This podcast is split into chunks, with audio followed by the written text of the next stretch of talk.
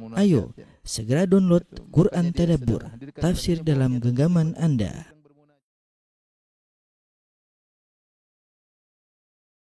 Bismillahirrahmanirrahim. Assalamualaikum warahmatullahi wabarakatuh. Alhamdulillahi ala ihsanih wa syukru lahu ala taufiqihi wa amtinanih wa asyhadu an la ilaha illallah wahdahu la syarika lahu ta'ziman li sya'nih wa asyhadu anna Muhammadan abduhu wa rasuluhu da'ila ridwani. Allahumma salli alaihi wa ala alihi wa ashabi wa ikhwani. Uh, para jemaah Masjid Tarbiyah Cilandak yang dirahmati Allah Subhanahu wa taala dan juga para pemirsa uh, di mana pun Anda berada ya. Kita melanjutkan bahasan kita dari uh, perjalanan kehidupan manusia terbaik Nabi Muhammad wasallam.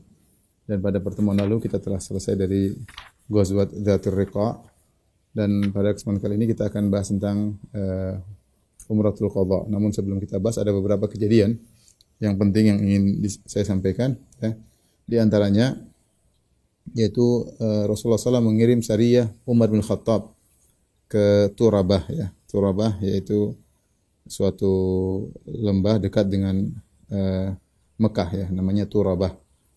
Di situ Rasulullah SAW mengirim Umar bin Khattab untuk menyerang kabilah Hawazin ya. Pada bulan Sya'ban tahun ke-7 Hijriah ya, Rasulullah SAW mengirim sekitar pasukan kecil, syariah pasukan kecil yaitu 30 orang uh, kepada Bani Nadhar bin Muawiyah bin Bakr bin Hawazin itu dari kabilah Hawazin uh, di Turabah ya. Kemudian uh, Umar membawa pasukannya 30 orang bersama penunjuk jalan dari Bani Hilal ya. Maka mereka berjalan di malam hari kalau siang hari mereka berhenti yasiruna lail wa yakmununa bin nahar. Ini di antara metode mereka untuk menyerang dengan tiba-tiba. Jadi agar tidak dilihat oleh mata-mata sehingga ketika malam baru mereka berjalan. Kemudian eh, siang hari mereka istirahat. Ya. Namun akhirnya ketahuan juga oleh kabilah Hawazin sampai kabar kepada mereka bahwasanya Umar dengan pasukannya telah datang, maka mereka pun kabur dari tempat mereka. Kemudian Umar bin Khattab datang ke tempat mereka dan tidak menemukan seorang pun dari mereka. Kemudian akhirnya Umar balik ke kota Madinah bersama pasukannya. Tatkala Umar tiba di suatu tempat namanya Al-Jadad ya. Uh, Al-Jadad, maka sang penunjuk jalan dari Bani Hilal berkata, "Hallaka fi jam'in akhar min Khaz'am ja'u sa'irina qad ajdabat biladuhum. Wahai Umar, maukah engkau pergi menyerang orang-orang musyrikin yang lain dari kabilah Khaz'am yang mereka sedang pergi meninggalkan sedang berjalan meninggalkan negeri mereka karena ditimpa dengan musim kemarau. Kesempatan bagi Anda untuk menyerang mereka. Faqala Umar, Umar berkata, "Ma amaroni Rasulullah SAW bihim." Rasulullah SAW tidak memerintahkan aku untuk menyerang mereka. Indama amaroni an uqatira Hawazin bi Turabah. Rasulullah hanya memerintahkan aku untuk menyerang kabilah Hawazin di Turabah. Maka Umar pun tidak tertarik dengan ajakan penunjuk jalan tersebut. Umar kemudian balik ke kota Madinah. Kemudian juga Rasulullah SAW mengirim eh, pasukan Sariyah Abi Bakar As-Siddiq kepada Bani Fazarah. Ya. Bani Fazarah di Najd di daerah sebelah eh, timur kota Madinah. Ya eh, pada bulan Sya'ban ya, pada bulan Sya'ban tahun 7 Hijriyah. Hadis ini sebagaimana diriwayatkan oleh Imam Muslim dalam sahihnya dan juga diriwayatkan Imam Ahmad dalam musnadnya dari Salamah bin Al-Aqwa. Salamah bin Al-Aqwa sang jagoan yang sudah pernah kita ceritakan bagaimana uh, sangat cepat dalam berlari. Dia berkata, "Kharajna ma'a Abi Bakar bin Abi Kuhafah." Suatu hari kami keluar bersama Abu Bakar As-Siddiq radhiyallahu anhu amarahu alaina Rasulullah sallallahu alaihi wasallam. Rasulullah SAW mengangkat dia sebagai pemimpin kami dan kami berangkat menuju Fazarah. Ya, sebelah timur kota uh, Madinah. Ya, mungkin uh, 600 kilo, 700 kilo, ya sekitar gitu, 800 kilo. Falamma danauna minal ma amarana Abu Bakar fa'arrasna tatkala kami uh, dekat dengan uh, lokasi uh, air ya maka Abu Bakar menyuruh kami istirahat yaitu di penghujung malam. Kami pun istirahat. Falamma shalaina subha tatkala tiba waktu subuh kami pun salat subuh, maka Abu Bakar memerintahkan kami untuk menyerang dengan tiba-tiba.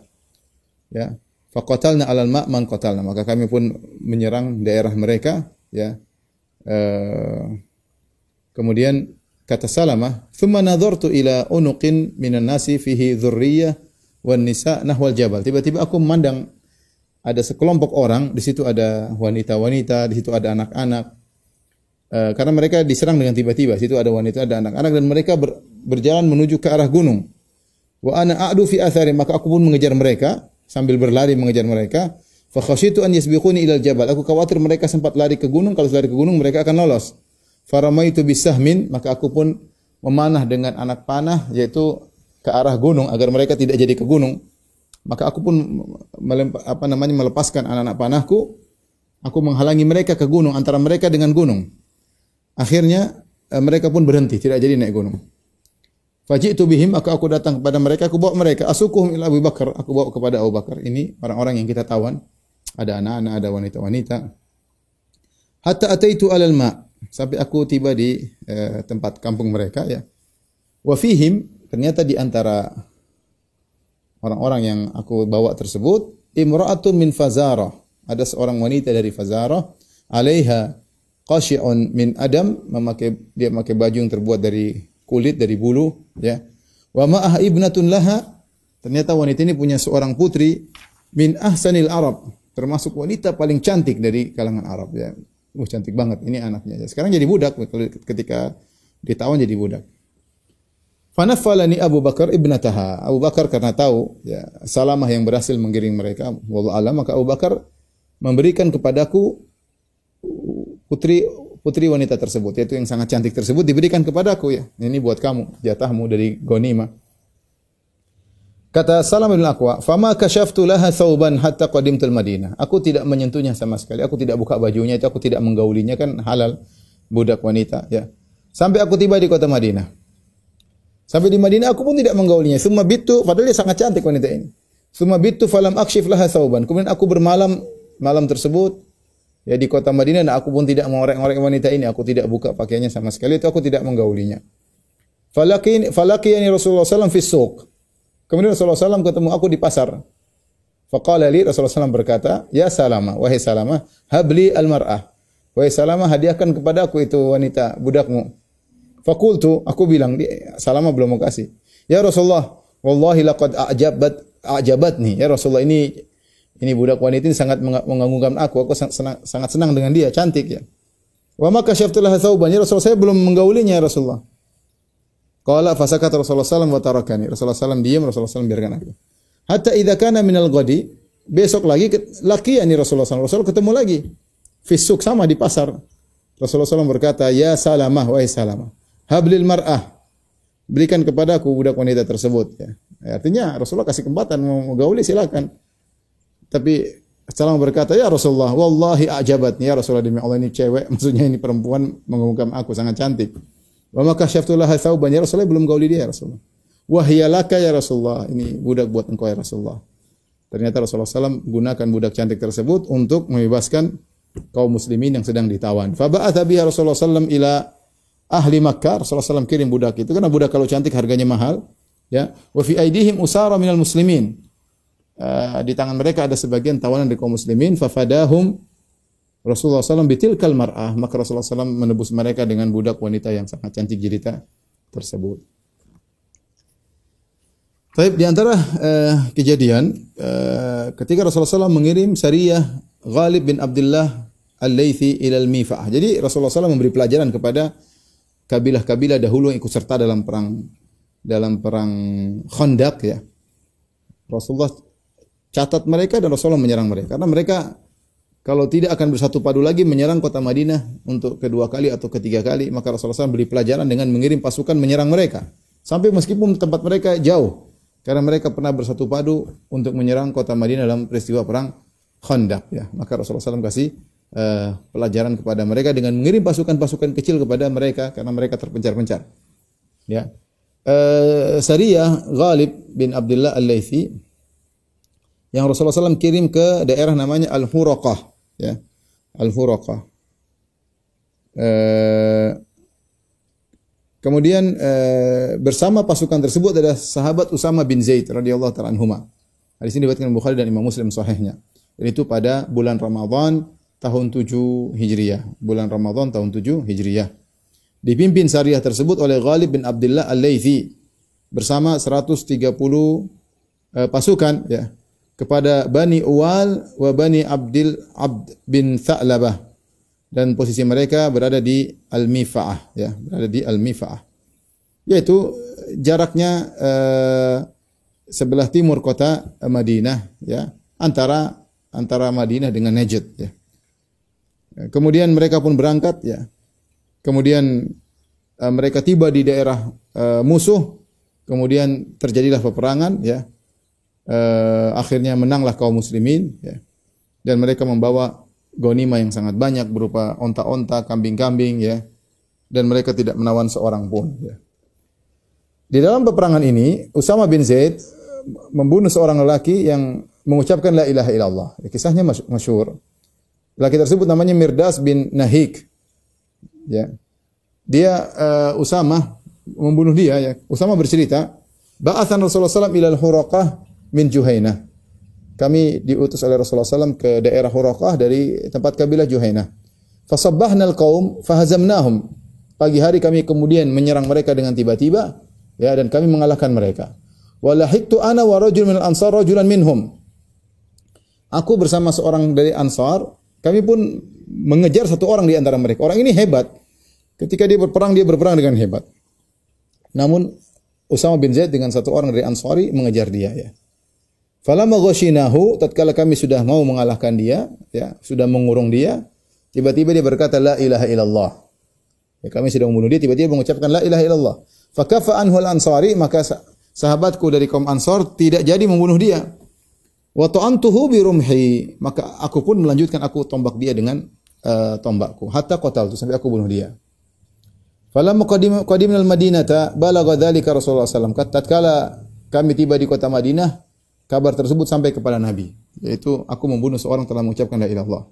Maka Rasulullah SAW berkata, ingat Usama ini adalah hibbu hibbi Rasulillah. Usama ini anaknya Zaid bin Haritha dan Zaid bin Haritha disebut dengan hibbu Rasulillah itu kekasih yang sangat dicintai oleh Nabi. Nabi pernah mengangkat sebagai seorang anak. Sampai kita sudah sering cerita pernah dikenal dengan Zaid bin Muhammad. Nah Zaid punya anak namanya Usama. Usama pun sangat dicintai oleh Nabi. Ya. Usama dan bapaknya dua-dua orang sangat dicintai oleh Nabi Shallallahu Alaihi Wasallam. Tapi Usama melakukan kesalahan fatal. Ya. Kenapa dia bunuh orang sudah mengucapkan la ilaha illallah? Maka Rasulullah berkata, "Ya Usama, aqatal tahu ba'da maqala la ilaha illallah?" Ya Usama, apakah kau bunuh dia setelah dia mengucapkan la ilaha illallah? Qultu Usama berkata, "Ya Rasulullah, innahu innama kana muta'awwidan."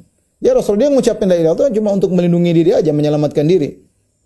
Subhanallah. Rasulullah SAW berkata, "Fahalla syaqaqta an qalbihi hatta ta'lama annahu innama qalaha faraqan minas silah." Apakah kau sudah belah dadanya? Kau bisa cek, kau tahu bahwasanya dia mengucapkan la ilaha illallah karena takut dengan pedangmu? Kaifa tasna'u bila ilaha illallah idza ja'at yaumal qiyamah? Apa yang kau lakukan dengan la ilaha illallah jika la ilaha illallah datang pada hari kiamat? Kau telah membunuh orang yang telah mengucapkannya. Apa yang akan kau lakukan wahai Usama pada hari kiamat kelak? Kaifa tasna'u bila ilaha illallah idza ja'at yaumul qiyamah? Rasul ulangi lagi. Apa yang kau lakukan dengan la ilaha illallah wahai? Bagaimana kau berhadapan la ilaha nanti hari kiamat? Kau membunuh orang yang mengucapkan la ilaha illallah. Rasulullah beri tegusan tegu, uh, tegu, tegu, apa namanya teguran yang sangat keras kepada Usama. Apa kata Usama? Fama zala Rasulullah SAW yukarriruha. Rasulullah ulang terus. Wahai Usama, apa yang kau lakukan nanti pada hari kiamat? Kalau datang la ilaha illallah, bertanya kepadamu, kenapa kau bunuh orang ini sementara dia telah mengucapkan la ilaha illallah? Rasulullah ulang, Rasulullah SAW ulang-ulang. Hatta tamannaitu anni lam akun aslamtu qabla dzalikal yaum. Aku berharap aku belum Islam ketika itu. Ya saking berat yang dihadapi oleh Usama. Bagaimana tidak? Usama sangat dicintai oleh Nabi SAW. Sangat dicintai. Tapi Rasulullah marah kepada dia karena dia melakukan kesalahan yang fatal. Ya dalam sebagian riwayat dalam Tabaqat Ibn Sa'ad Usama berkata, "Ya Rasulullah, inni uahidullah an la uqatila ahadan yashhadu an la ilaha illallah. Ya Rasulullah aku berjanji ya Rasulullah aku tidak akan bunuh orang yang mengucapkan la ilaha illallah. Wallah alam bisawab Ibnu Hajar menyampaikan inilah kisah ya yang uh, yang Usama bersumpah tidak akan bunuh seorang muslim pun sehingga ketika terjadi fitnah antara Ali bin Abi Thalib dalam perang Jamal maupun perang Siffin maka Usama tidak ikut sama sekali dalam peperangan tersebut dan diikuti oleh Sa'ad bin Abi Waqqas. Sa'ad bin Waqqas berkata, "La uqatilu musliman hatta yuqatilahu Usama." Aku tidak akan bunuh seorang muslim sampai dibunuh oleh Usama.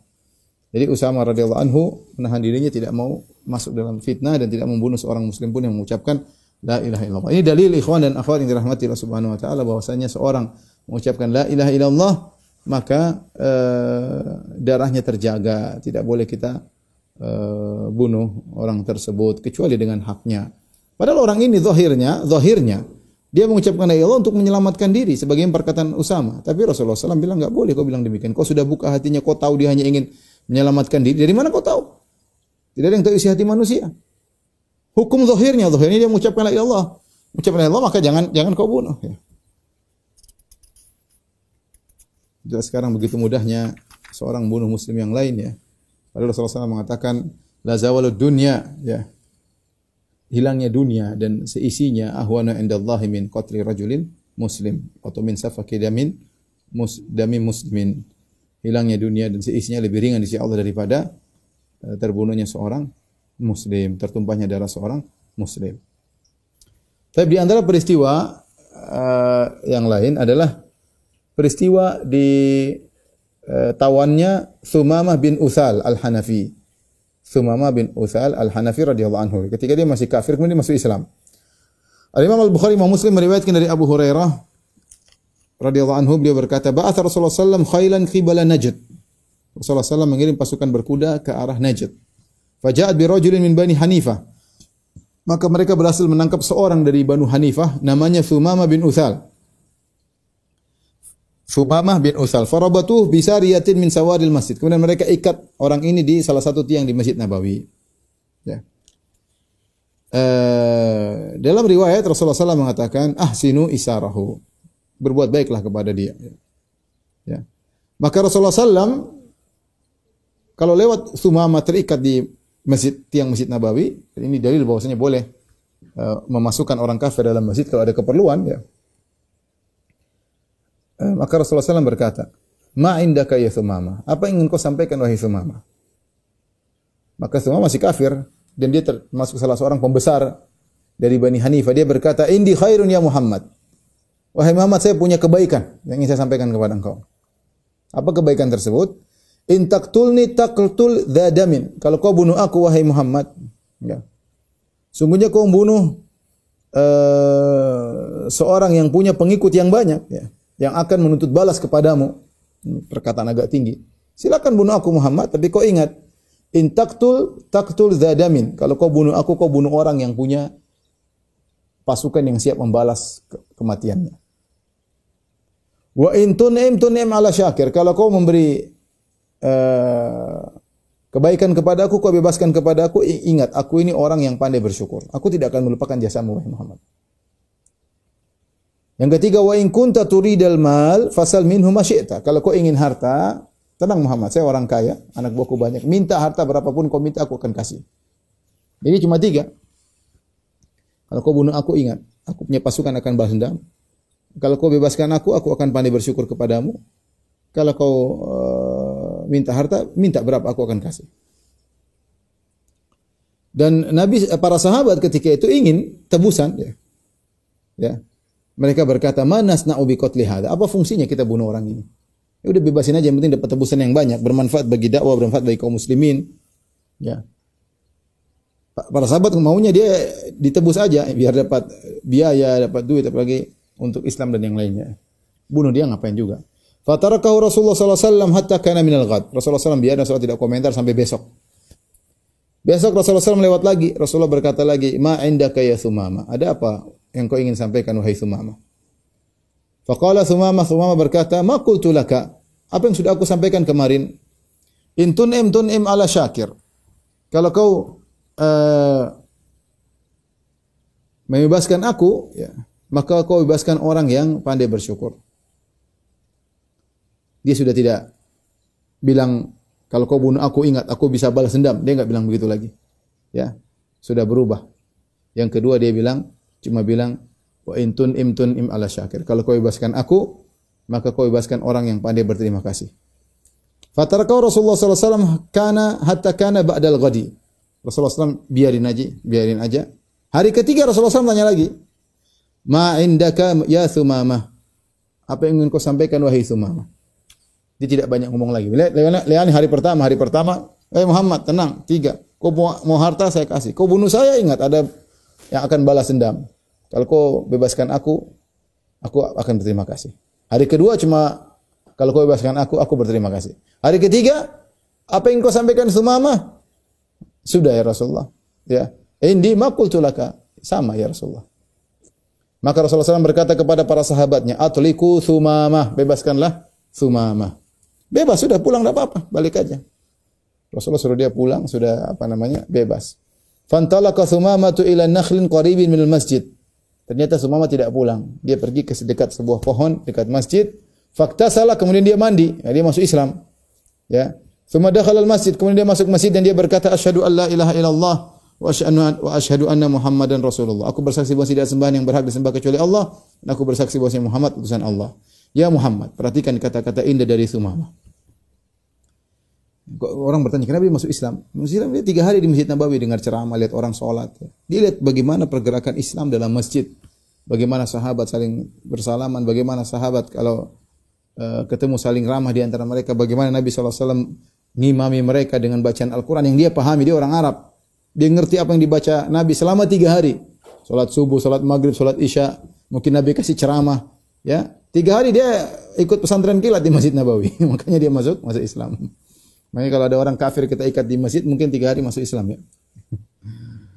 Kemudian uh, kata Rasulullah SAW, uh, eh, kata Usumama setelah dia masuk Islam, dia mandi di masjid Islam, kemudian dia masuk masjid dan kalau seorang masuk Islam mandi hukumnya sunnah. Kemudian dia pergi masuk masjid dia berkata, "Ya Muhammad, perhatikan, wahai Muhammad, wallahi ma kana 'alal ardi wajhun abghadha ilayya min wajhik." Ya Muhammad, demi Allah, tidak ada seorang pun di atas muka bumi wajahnya yang paling aku benci seperti wajahmu. Kau ini orang yang paling aku benci di atas muka bumi. Faqad asbaha wajhuka ahabbal wujuhi ilayya. Sekarang jadilah wajahmu adalah wajah yang paling aku cintai. Subhanallah. Ya. Wallahi ma kana min dinin abghadha ilayya min dinik. Demi Allah tidak ada agama yang paling aku benci di atas muka bumi seperti agamamu. Fa asbaha dinuka ahabbad dini ilayya. Maka jadilah agamamu adalah agama yang paling aku cintai. Wallahi ma kana min baladin abghadha ilayya min baladik. Demi Allah tidak ada tempat tinggal yang paling aku benci seperti kota Madinah. Fa asbaha baladuka ahabbal biladi ilayya. Jadilah kotamu kota Madinah adalah tempat yang paling aku cintai. Wa inna khailaka akhadatni wa ana uridul umrah famadza tara? Sungguhnya aku tadi waktu itu mau ingin umrah tahu-tahu pasukanmu nangkap aku. Bagaimana menurut engkau wahai Rasulullah? Fabasyar Rasulullah sallallahu alaihi wasallam ya'tamir Ya, maka Rasulullah SAW beri eh, kabar gembira kepada dia. Rasulullah SAW, ya sudah kamu umrah aja kalau begitu. Falamma qadima Makkah, kemudian dia pun umrah, dia pergi ke Mekah. Ya. Fakana awwala man dakhala Makkah mulabbiyan minal muslimin. Begitu dia masuk Mekah dia langsung berkata, labbaik Allahumma labbaik labbaik la syarika laka labbaik. Innal hamda wan ni'mata laka wal mulk la syarika lak. Maka orang Quraisy pun tangkap dia. Kalau orang Quraisy tahu ini pembesar di Najd, pembesar dari Bani Hanifah, kok bisa talbiyahnya talbiyahnya para sahabat? Wa qalu lahu, mereka berkata, "Sobauta ya Sumama?"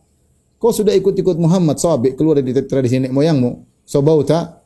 Qala, maka semua menjawab, "La wallahi, aku tidak sobaut." Walakin aslamtu ma'a Muhammad, tapi aku masuk Islam bersama Muhammad sallallahu Rasulullah sallallahu alaihi wasallam. Kemudian kata Sumama, "Wala wallahi la ya'tikum minal yamamati habbatu hintah." Demi Allah tidak ada satu butir gandum pun yang akan sampai kepada kalian dari kota Yamamah. Hatta ya'dana fiya Rasulullah sallam fakhalluhu. Sampai Rasulullah sallam mengizinkan ya kalian dapat kiriman dari kami. Akhirnya mereka biarkan Sumama. Maka Sumama pun pergi ke Yamamah pulang ke kampungnya. Famanahum an yahmilu ila Makkah syai'an. Maka dia karena dia pembesar di Yamamah dari Banu Hanifah, dia melarang anak buahnya tidak ada yang boleh jualan ke Mekah. Tidak ada yang boleh jualan gandum di Mekah. Sementara sumber pangan gandum Mekah yang paling besar waktu itu dari dari Yamamah. Sampai akhirnya orang Quraisy kelaparan tidak datang gandum kepada mereka. Sampai mereka kelaparan dan orang di di Mekah di Mekah tidak ada bukan penghasil korma beda dengan Madinah. Wa akalul ilhiz sampai mereka makan ilhiz. Ilhiz itu apa? Ilhiz itu eh, mereka ambil uh, aubar dari onta yaitu rambut-rambut utama mereka ambil kemudian campur dengan darah kemudian mereka panggang. Mereka makan itu, enggak ada makanan lain. Karena uh, kelaparan, ya. Maka orang-orang Quraisy pun mengirim pas mengirim utusan dipimpin oleh Abu Sufyan kepada Rasulullah sallallahu alaihi wasallam ke kota Madinah. Faqala lahu kemudian Abu Sufyan berkata, "Unshudukumullah war rahim." Wahai Muhammad, kata Abu Sufyan, aku mohon kepada engkau dengan nama Allah dan atas kita adalah sama-sama satu rahim, sama-sama Quraisy. Haknya rahim, perhatikan wahai Muhammad. Innaka taz'umu annaka bu'itha rahmatan lil alamin. Wahai Muhammad, kau menyangka kau diutus sebagai rahmat bagi kau alam semesta.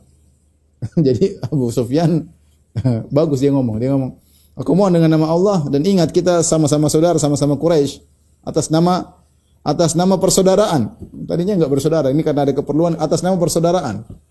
Kemudian setelah itu, bukankah kau menyangka kau diutus sebagai rahmat bagi alam semesta wahai Muhammad? Kata Rasulullah SAW, bala, iya benar. Faqala Abu Sufyan, Abu Sufyan berkata, Abu Sufyan siapa? Mertuanya. Abu Sufyan siapa sekarang? Mertuanya Nabi SAW. Ya. Karena putrinya Romlah bintu Abu Sufyan menikah dengan Ummu Habibah, menikah dengan Nabi SAW. Ini sekarang sedang ngomong mertuanya mertua sama mantunya, mertuanya gembong orang kafir, mantunya Rasulullah SAW. Faqala Abu Sufyan, kata Rasulullah, tentu aku diutus sebagai rahmat bagi kaum bagi alam semesta. Abu Sufyan berkata, "Qad qatal tal aba bisayf wal abna bil ju'." Wahai Muhammad, kau sudah bunuh nenek moyang kita dalam perang-perang sebelumnya dengan pedangmu. Ya, kau bunuh pembesar-pembesar kami ya. Abu Jahal dan teman-teman yang kau sudah bunuh dengan pedang-pedangmu. Sekarang kau bunuh anak-anak kita dengan kelaparan. Kenapa? Ternyata mereka tidak dikirim makanan oleh oleh Sumama ya. Fakata Rasulullah SAW ila Sumama bin Usal. Rasulullah SAW suruh kirim surat kepada Sumama an yukhalliya bainahu wa bainal haml ila Makkah. Biarkanlah orang yang bawa makanan ke Mekah jangan dihalangi. Fa fa'ala. Akhirnya Sumama pun menjalankan perintah Nabi SAW. Ini dalil dijadikan dalil uh, oleh para ulama tentang bolehnya memboikot ya. Memboikot kalau ada manfaatnya, memboikot kalau ada manfaatnya. Tentunya masalah boikot memboikot ini kembali kepada maslahat. Kalau memang ada maslahatnya dan yang bisa mengukur maslahat biasanya pemerintah ya. Biasanya pemerintah. Kalau memang ada maslahatnya silakan lakukan. Kalau tidak ternyata mudarat bahkan terkadang mudarat bagi kaum muslimin uh, maka jangan dilakukan. Ya. Tapi kalau manfaat ditimbang maslahat dan mudarat para pakar memandang bahwasanya ini bermanfaat maka silakan di diboikot. Sebagaimana Sumamah memboikot uh, memboikot orang-orang Quraisy. Tapi kembali lagi ini adalah suatu hal yang uh, ditimbang di atas masalah dan mudarat bukan uh, kemudian dikerahkan oleh sekelompok orang uh, yang tidak bisa menimbang masalah dan mudarat. Uh, taib beberapa uh, faedah dari kisah ini yaitu bolehnya kata Ibnu Hajar rahimahullah taala kisah Sumama ada beberapa faedah di antaranya boleh mengikat orang kafir di masjid. Kemudian boleh membebaskan tawanan orang kafir tanpa ada tanpa ada tebusan apa pun. Dan lihat faedahnya, Sumama yang tadinya sangat benci kepada Nabi menjadi sangat cinta kepada Nabi. Ya, faedahnya. Ya. Kemudian juga dalil bahwasanya uh, mandi ketika masuk Islam, ya. Dan juga dalil bahwasanya perbuatan baik kepada orang lain bisa menghilangkan kebenciannya kepada kita. Ya, jadi kalau orang benci sama kita, kita berbuat sama dia. Paling tidak hilang atau berkurang. Paling tidak berkurang ya. Kalau tidak hilang, tapi bisa jadi hilang malah malah bisa berubah menjadi uh, kasih sayang ya. Idfa billati hi ahsanu sayyi'ah ya. Ya. Fa idza alladhi eh, fa idza alladhi bainaka wa baina adawatun ka'annahu waliyyun hamim. Ya. Kata Allah Subhanahu wa taala balaslah keburukan dengan kebaikan. Tiba-tiba uh, orang yang antara engkau dengan dia permusuhan tiba-tiba menjadi uh, sahabat yang menolong ya. Lihatlah Sumamah tadi sangat benci tahu-tahu menolong kaum muslimin.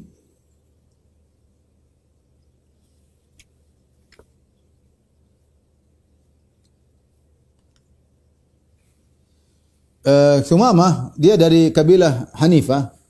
Dan kabilah Hanifah adalah kabilahnya Musailimah al-Kadzab yang ngaku sebagai nabi baru ya. Dia sudah ngaku nabi sejak nabi masih ada dan Nabi SAW meninggal dunia dia masih ngaku sebagai nabi dan diperangi oleh Abu Bakar. Tetapi eh, Sumamah bin Uthal termasuk orang yang kokoh dia tidak murtad bersama para pengikut Musailimah al-Kadzab padahal mereka sama-sama dari kabilah uh, Hanifah. Taib kita akan masuk pada pembahasan inti tentang umratul qadha. Umratul qadha. Apa ini maksud umratul qadha? Al qadha bukan berarti seperti yang kita pahami ada ada ada qadha, salat qadha, salat ada, salat ada pada waktunya, salat qadha uh, di luar waktunya. Tidak. Maksudnya umratul qadha ini adalah umrah yang didasarkan pada keputusan qadha. Keputusan qadha namanya keputusan antara perjanjian Nabi dengan eh, orang-orang kafir Quraisy dalam perjanjian Hudaybiyah bahwasanya tahun depan mereka akan umrah dan dibiarkan masuk dalam kota Mekah selama tiga hari. Setelah itu mereka pulang. Tapi ketika mereka masuk dalam kota Mekah tidak boleh bawa senjata sama sama sekali. Itulah yang telah disepakati keputusan disepakati oleh Nabi SAW dengan Suhail bin Amr. Uh, makanya uh, makanya disebut dengan umratul qada yaitu umrah yang didasarkan al qada keputusan atas perjanjian yang terjadi antara Nabi Muhammad SAW dengan orang-orang kafir Quraisy. Tiba waktunya ketika bulan Zulqa'dah ya Zulqa'dah tahun ke-7 Hijriah. Maka Rasulullah SAW menyuruh para sahabatnya waktu tiba untuk umrah sebagaimana termaktub dalam poin-poin perjanjian Hudaybiyah. Bahwasanya kaum muslimin boleh berumrah tahun depan di bulan Zulqa'dah. Dan sekarang sudah tiba bulan Zulqa'dah. Maka Rasulullah SAW pun keluar bersama para sahabat yang ikut dalam perjanjian Hudaybiyah kan yang itu perjanjian Hudaybiyah sekitar 1500 orang. Semuanya berangkat bersama Nabi kecuali yang sudah meninggal meninggal mati syahid dalam perang Khaybar. Ya. E, dan bersama yang lainnya sehingga terkumpul para sahabat ketika itu sekitar 2000 orang. Ini selain anak-anak dan wanita. Para sahabat yang ikut umrah bersama Nabi umratul qada sekitar 2000 orang. Kemudian Rasulullah SAW e, menggunakan Uwaif menugaskan Uwaif bin Al-Adbat Ad-Daili untuk menjadi uh, pengganti Nabi sallallahu alaihi wasallam di kota Madinah, mewakili Nabi. Kemudian Rasulullah SAW membawa sitina badana. Rasulullah SAW membawa 60 ekor onta untuk dia sembelih. Dan kita tahu bahwasanya menyembelih hewan kurban seperti kambing, onta bukan hanya di musim haji. Bahkan seorang umrah juga boleh menyembelih. Bahkan di zaman dahulu seorang tidak umrah dia bisa kirim hewan tersebut untuk disembelih di kota Mekah. Dan itu kebiasaan mereka. Makanya mereka sebut dengan al-hadyu. Al-hadyu itu hewan yang di, dikhususkan untuk diserahkan ke kota Mekah untuk disembelih di sana. Ya mau umroh nggak umroh, mau haji nggak haji nggak ada masalah. Ya, tapi kebiasaan ya, Nabi ketika haji Nabi menyembelih, ketika umroh Nabi menyembelih. Ya. Kita tahu ketika Nabi haji, haji itu wada, Nabi berapa sembelih? Nabi menyembelih 100 ekor onta. Sekarang umratul qadha Rasulullah SAW bawa 60 ekor onta. Ya, Rasulullah SAW uh, bukanlah orang kaya ya, tapi kalau Rasulullah SAW berniat maka Allah mudahkan ya. Allah mudahkan ya. Seorang berusaha Ya, kalau dia punya niat untuk melakukan satu kebajikan, dia berdoa kepada Allah dimudahkan bagi Allah oleh Allah Subhanahu wa taala. Uh, kemudian Rasulullah SAW bawa 60 ekor onta. Kemudian Rasulullah menugaskan uh, Najiyah ibnu Jundub al Aslami sebagai pengurus onta-onta tersebut. Dia jalan depan onta-onta tersebut, ya. Kemudian uh, bersama sekitar empat pemuda dari Bani Aslam untuk membantu dia menggiring 60 ekor onta tadi, dibawa ke kota Mekah untuk disembelih di sana. Rasulullah SAW juga bawa silah, bawa pedang, bawa duru, bawa baju perang, bawa rima, bawa tombak ya. Kenapa khawatir kaum musyrikin berkhianat ya? Jaga-jaga ini menunjukkan kewaspadaan ya. Kewaspadaan uh, ikhtiar tidak tidak mengurangi tawakal. Tawakal adalah menyerahkan urusan kepada Allah Subhanahu wa taala sambil berikhtiar dan Rasulullah SAW demikian selalu. Nanti kata lihat bagaimana Rasulullah SAW berusaha. Ketika perang Uhud, perang Uhud saja Rasulullah SAW pakai dirain sampai pakai dua baju perang dua dua ya. Kemudian pakai helm ya, kemudian pasang strategi dan seterusnya itu pun akhirnya terluka Rasulullah Sallallahu Alaihi Wasallam. Ini usaha, bukannya tawakal tanpa usaha, tawakal tanpa usaha namanya konyol ya. Tawakal yang benar adalah tawakal disertai dengan usaha ya. Uh, makanya ketika ada seorang mengatakan ya Rasulullah utlikuha tawakkal ya Rasulullah ini unta aku aku biarkan di luar aku masuk masjid aku bertawakal Kata Rasulullah SAW, iqilha wa tawakkal. Ikat dulu baru kau tawakal. Ya, jangan dibiarin nanti ontanya pergi atau dicuri orang. Ikat dulu baru kau tawakal masuk masjid. Ya. Jangan seorang pakai mobil kemudian taruh di luar, mesinnya masih nyala, kuncinya masih di situ, tawakal, masuk masjid. Ya, mobilnya hilang lah. Jadi kalau di Saudi ya, di Saudi enggak ya. Di Saudi sering lihat saya lihat orang karena mesinnya masih nyala, kuncinya terbuka, di sampingnya ada HP-nya, kemudian dia pergi ke toko nawar-nawar, balik lagi kemudian di jalan. Ya. Karena kondisi membuat orang tidak mencuri ya. Nah, karena undang-undang yang uh, berlaku di sini uh, hilang ya. Kalau gitu jelas hilang ya. Jangankan sudah berusaha masih dibegal juga ya. Taib, uh, maka Rasulullah SAW kemudian uh, menyiapkan pedang, menyiapkan baju-baju perang dan tombak, khawatir mereka berkhianat. Tatkala Rasulullah SAW sampai di Dhul Hulaifah, keluar dari Madinah Dhul Hulaifah. Ya, Zulhulaifa tempatnya mikotnya penduduk kota Madinah. Kira-kira 11 12 kilo dari kota dari Masjid Nabawi. Maka Rasulullah SAW qaddamal khail amamahu alaiha Muhammad bin Maslamah. Rasulullah SAW suruh jalan di luar, pasukan berkuda dipimpin oleh Muhammad bin Maslamah. Ya. Uh, suruh bawa pedang, peralatan perang ke sana. Wa ahrama Rasulullah SAW min babil Masjidil Hulaifah wa labba wal muslimuna ma'ahu yulabbun. Maka Rasulullah SAW berihram dari pintu Masjid Al-Hulaifah, ya, pintu masjid ada di Bir Ali kalau sekarang disebut Bir Ali. Kemudian Nabi bertalbiyah Labbaik Allahumma labbaik labbaik Allahumma umrah dan kaum muslimin pun ikut bertalbiyah bersama Nabi wasallam.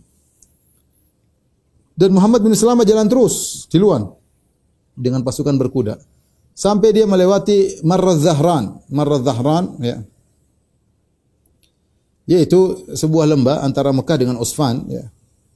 Kemudian ternyata dia mendapati sekelompok dari orang Quraisy ada lagi di situ. Ya. Maka orang-orang Quraisy bertanya, e, antum ngapain ke sini bawa pasukan berkuda? Ya. Kata Muhammad bin Maslamah, ini uh, Rasulullah SAW besok pagi di sini mau mampir di sini, insya Allah. Maka si saya siapkan. Ya. Mereka lihat ternyata banyak pedang, banyak peralatan perang, ya dibawa oleh Bashir bin Sa Sa'ad. Maka mereka pun segera balik ke kota Mekah dengan segera. Orang-orang Quraisy kafir ini mereka. Uh, kaum muslimin kau bawa pedang, mau umrah kau bawa pedang. Akhirnya mereka balik kota Mekah dengan bersegera, kemudian mereka kabarkan orang Quraisy. Orang Quraisy pun kaget dengan kabar yang sampai kepada mereka. Ternyata uh, Muhammad keluar dengan bawa peralatan perang. Wa qalu mereka berkata, "Wallahi ma ahdatsna hadatsan." Demi Allah kami tidak melakukan pelanggaran apa pun dari perjanjian Hudaybiyah. Tidak ada satu poin pun kami langgar. Kenapa Muhammad seperti itu? Wa inna ala kitabina wa hudnatina kami tetap ikut sesuai dengan perjanjian dan sesuai dengan kesepakatan kami. Fafima yakzuna Muhammadun fi ashabi. Ngapain Muhammad bawa pasukannya menyerang kita? Mereka menyangka Rasulullah SAW makan perang. Padahal tidak. Rasulullah SAW hanya bersiaga saja. Walama wasal Rasulullah SAW ila Marad Zahran. Rasulullah SAW berjalan terus sampai di Marad Zahran. Ya, Rasulullah SAW pun mampir di Marad Zahran. Uh, kemudian uh, sampailah kabar kepada uh, Nabi SAW bahwasanya orang-orang Quraisy ngejek mereka. Ya. ya. Apa yang mau dilakukan orang-orang yang mau bangkit sementara mereka dalam kondisi kurus kurus kelaparan diejek. Ya Muhammad teman-temannya kurus kelaparan. Maka sahabat berkata, "Ya Rasulullah, mereka ngejek kita bilang kita kelaparan. Lalu akal min dhahrina, bagaimana kalau apa namanya? onta-onta kita yang kita tunggangi ini kita sembelih aja ya Rasulullah." Fa'akalna min syuhumina, kita makan dari lemak-lemaknya. Wa sauna minal maraq, kita makan dari karenya, ya. Oh, apa kuah uh, uh, kuah kambing atau ontanya. Fasbahna qadan hatta nadkhul al qaum wa bina jamam. Sehingga besok kalau kita masuk kota Mekah kita sudah kenyang ya. Rasulullah mengatakan, "La, jangan. Jangan sembelih unta-unta kalian, kambing-kambing kalian jangan. Walakin tuni bi fadli azwadikum. Tapi datangkanlah makanan kalian masih berliban, berliban bawa sini, bawa sini. Fabasatu anta'ah, maka mereka pun membentangkan semacam kain kulit ya, dari dari kulit ya, semacam uh, yang bisa eh, kulit yang bisa dibuka ya. Uh, kemudian Thumma jama 'alaiha min at'imatihim kulliha. Kemudian mereka makanan yang berliban mereka kumpulkan semua di situ. Fada'alahum fiha bil barakah. Mereka berdoa agar diberi keberkahan makanan tersebut dan benar. Fa akalu hatta tadallau syiba syiba'an. Mereka makan makan makan sampai penuh perut mereka karena kekenyangan. Ya. Ini para sahabat sekali aja tidak selalu demikian, sesekali mereka kekenyangan. Fa akfatu fi jurabihim ya. Wa fudhala ma fadhala minha. Maka mereka pun setelah itu mereka ngambil lagi makanan yang tersisa mereka simpan lagi ke tempat-tempat makan mereka. Jadi mukjizat dari Nabi sallallahu alaihi wasallam makanan menjadi banyak. Makanan menjadi banyak ya. Kemudian Rasulullah SAW meletakkan pedang di batni Ya'jaj. Ya. Sekitar jaraknya sekitar 8 mil dari kota Mekah. Jadi Rasulullah kalau mau umrah tidak boleh bawa pedang, tapi dia bawa Rasulullah bawa sallallahu alaihi wasallam dalam rangka kehati-hatian. Maka Rasulullah SAW taruh di Ya'jaj, tempat tempat uh, semua peralatan perang, Rasulullah SAW suruh sekitar 200 orang untuk jaga di situ. Umrohnya belakangan. Kalian tunggu di sini, kami umroh di luar. Ya, jaga pedang-pedang uh, yang ada. Ya. Kemudian Quraisy mengirim Mikras bin Hafs bersama beberapa orang dari Quraisy menuju Rasulullah SAW sampai mereka bertemu dengan Rasulullah di uh, Ya'jaj. Rasulullah SAW sedang bersama para sahabatnya, bersama onta-ontanya, bersama pedang-pedangnya, peralatan perang. Maka mereka berkata, Ya Muhammad, ma urifta sagiran wala kabiran bil ghadar. Ya Muhammad, kami tidak pernah kenal engkau berkhianat. Sejak kecil sampai besar kamu enggak pernah berkhianat. Kenapa? Tadkhulu bisilah fil haram ala qaumika. Kenapa kau masuk ke tanah haram bawa pedang, senjata untuk melawan kaummu sendiri Quraisy? Waqad syaratta lahum alla tadkhula illa bisilahil musafir. As-suyuf fil qurub. Sementara kau sudah mempersyaratkan kepada mereka kau tidak akan masuk ya ke dalam kota Makkah kecuali dengan senjata orang yang sedang bersafar yaitu senjata tidak boleh terbuka tapi pedang dalam sarungnya. Tidak boleh lebih daripada itu, cuma itu. Jangan bawa kemudian tombak, jangan bawa panah enggak. Kan sudah sepakat ya Rasulullah. Wahai Muhammad. Kata Rasulullah SAW, inilah udkhil alaihi musila. Aku tidak akan memasukkan pedang di kota Mekah. Enggak. Ya, di sini saja. Masih jauh, 8 mil ya. 8 mil kira-kira ya mungkin 12 kilo atau masih jauh dari kota kota Mekah. Ini saja. Ya. Maka Mikras bin Hafs ketika mendengar jawabannya mereka berkata, "Hadzal ladzi yu'rafu bihi al-bar al-bir wal wafa." Inilah Muhammad dikenal dengan uh, baik dan uh, apa namanya? Uh, setia dengan janji. Kemudian dia pun segera balik menuju orang-orang Quraisy dia mengatakan, "Wahai kaumku, sungguhnya Muhammad tidak akan bawa masuk senjata. Dia sesuai dengan syarat yang pernah dia sepakati." Taib tersebar kabar ya bahwasanya Muhammad dan teman-temannya itu Rasul dan para sahabat radhiyallahu anhum dalam kondisi lemah karena terkena demam, demam kota Madinah.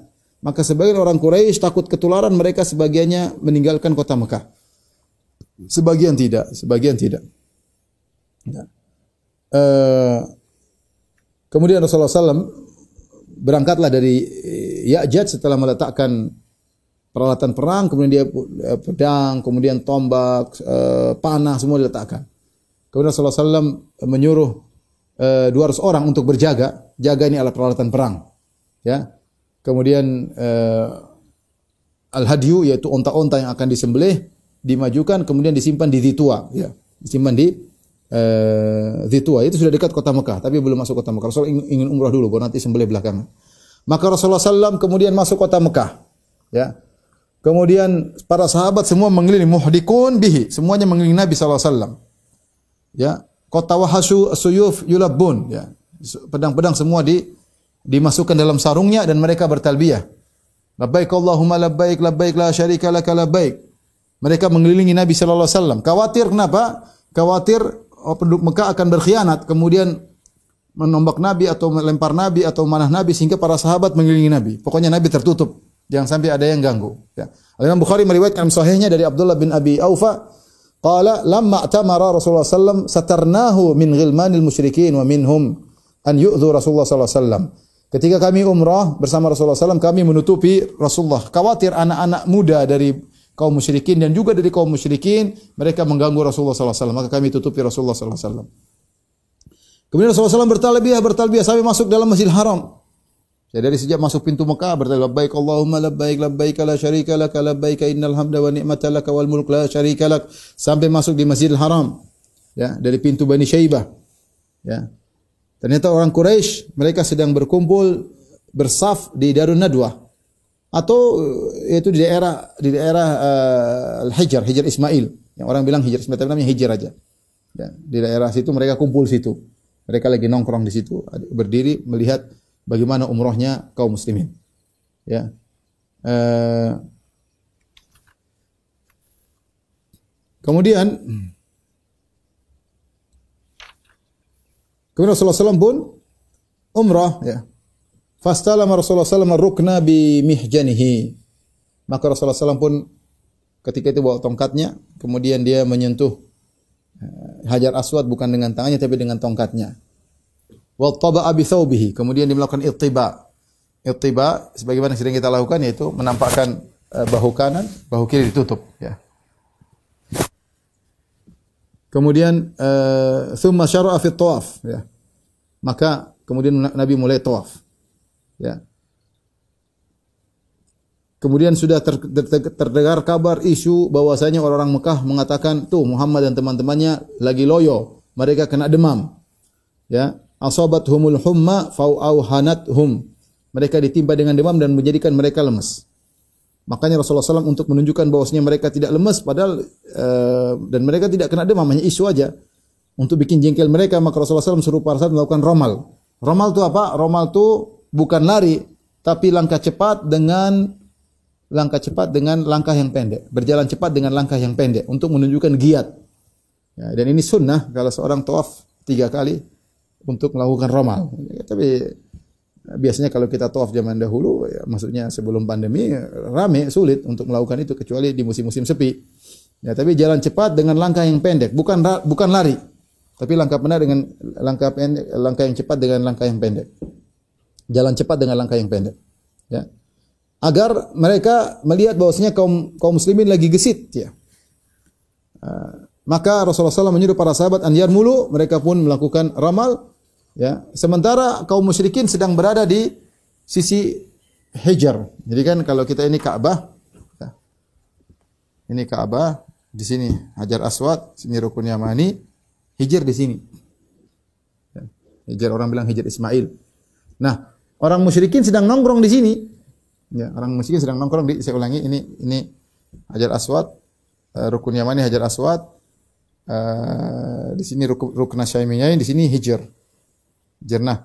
Orang musyrikin sedang nongkrong di sini. Nah, ketika Rasulullah SAW dari Hajar Aswad dan para sahabat berjalan, maka mereka berjalan dengan cepat, jalan dengan cepat ramal. Terus dan mereka sudah capek ya, capek lah perjalanan jauh, ratusan kilo. Sampai di rukun Yamani jalan santai pelan-pelan. Karena nggak kelihatan dari sini. Strategi, sini jalan pelan-pelan, istirahat sebentar. Jalan pelan-pelan, melepaskan lelah. Jalan biasa karena mereka nggak lihat. Sampai sini jalan cepat lagi. cepat bikin jengkel mereka. Pokoknya kalau kelihatan jalan cepat. Karena mereka yang nongkrong di sini. Setelah itu sampai sini jalan pelan lagi. Terus sampai uh, tiga kali uh, Rasulullah melakukan apa? Uh, romal ya, melakukan romal ya. Allah alam apakah di sini ketika itu tiga kali apa seluruhnya ya. Allah alam bisawab ya. Tapi kalau sunnahnya di haji haji wada Rasulullah SAW cuma tiga tiga kali. Tapi kalau di sini zahirnya tujuh putaran seluruhnya begitu. E, ketika orang-orang musyrikin melihat bahwasanya kaum muslimin berjalan dengan giat, mereka mengatakan, ini yang kalian bilang katanya kena demam. Mana kena demam? Mana loyonya? Semangat kayak begini, gimana dibilang kena demam? Kalian ini kena termakan hoax aja ya, makanya demikian lah ya. Setelah Rasulullah SAW selesai tawaf, Rasulullah SAW salat di belakang makam Ibrahim dua rakaat. Ya.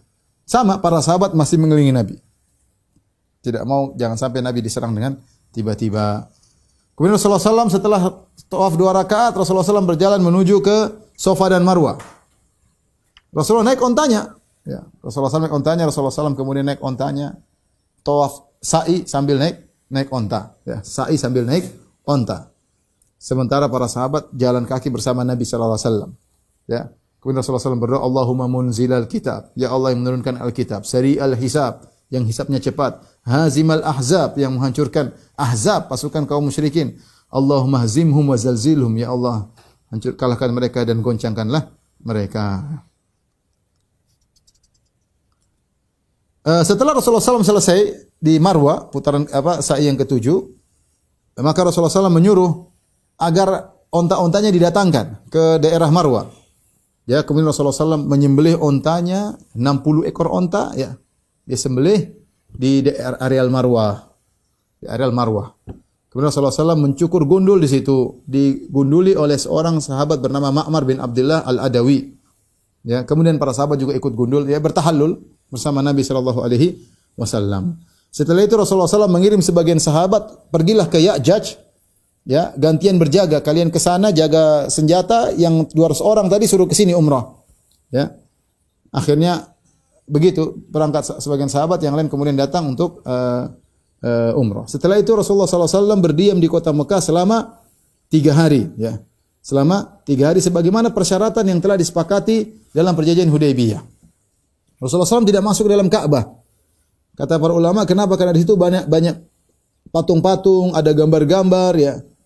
Ya, Imam Al-Bukhari meriwayatkan dari Abdullah bin Abi Aufa, Dia berkata, "Tamar Rasulullah SAW fatafa bil bait wa shalla khalfal maqam rak'atain wa ma'ahu man yasturu minan nas."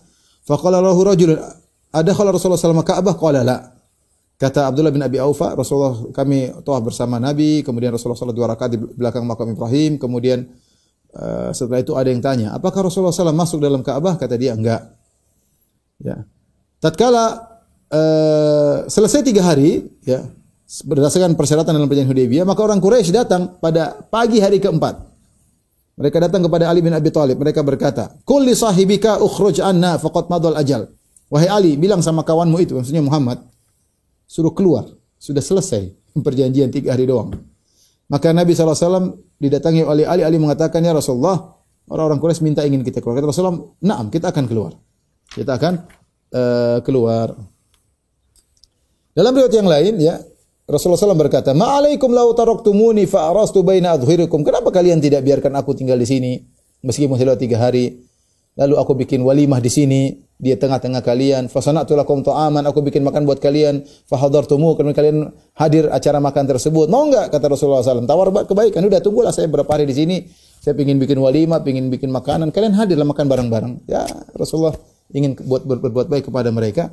Orang Quraisy berkata, "La hajata lana fi ta'ami." Kami tidak butuh makanan wahai Muhammad. Keluar, fakhruj anna, keluar tinggalkan kami. Akhirnya Rasulullah SAW keluar ya. Uh, tidak jadi walimah di kota Mekah. Rasulullah SAW menikah dengan Maimunah. Nanti akan kita sampaikan pada pertemuan berikutnya insya Allah. Setelah itu ya. Setelah Rasulullah SAW meninggalkan kota Mekah, Rasulullah SAW menikah dengan Maimunah ya. Taib, uh, ketika Rasulullah SAW di Mekah, Rasulullah SAW bertanya tentang Khalid bin Walid. Khalid bin Walid cerita, ketika Rasulullah SAW masuk Mekah untuk umrah, ya aku tidak ada di Mekah, kata Khalid. Dan aku tidak menyaksikan bagaimana masuk dalam kota Mekah. Sementara saudaraku Al-Walid bin Al-Walid, jadi Khalid bin Walid kafir, masih musyrik. Dia punya saudara sudah masuk Islam, namanya Al-Walid bin Al-Walid. Dan Al-Walid bin Walid ikut umrah bersama Nabi dalam umrah tersebut. Maka Al-Walid bin Walid mencariku dan dia tidak mendapatiku. Ya. Uh, kemudian akhirnya dia pun menulis surat untukku.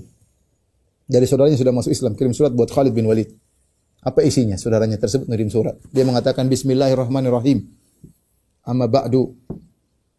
Dengan nama Allah yang Maha Pengasih lagi Kemudian daripada itu, fa inni lam ara a'jaba min dhahabi ra'yika anil Islam wa aqluka aqlaq. Kata dia, wahai saudaraku, ya. Aku tidak melihat perkara yang lebih aneh dari mana bagaimana kau tidak bisa cerdas tentang Islam bagaimana otakmu tertahan, ya, akalmu tertahan. Wa mithlul Islam ya jahalu ahadun, apakah tidak apakah orang tidak tahu tentang Islam? Bagaimana kau tidak tahu tentang Islam begitu indahnya Islam? Dia kayak agak mencela Khalid bin Walid. Masa kau tidak ngerti tentang Islam wahai Khalid? Kau ini cerdas. Saya tidak pernah saya tidak saya heran lihat kau nih, masa kau tidak tahu tentang indahnya Islam? Ya. Apakah ada orang yang tidak tahu tentang indahnya Islam? Kemudian bayangkan dia berkata setelah itu, "Qad sa'alani Rasulullah SAW angka." Kemarin waktu Rasulullah SAW umrah di sini, Rasulullah SAW tanya kepadaku tentang dirimu wahai Khalid. Rasulullah berkata, Aina Khalid? Mana Khalid?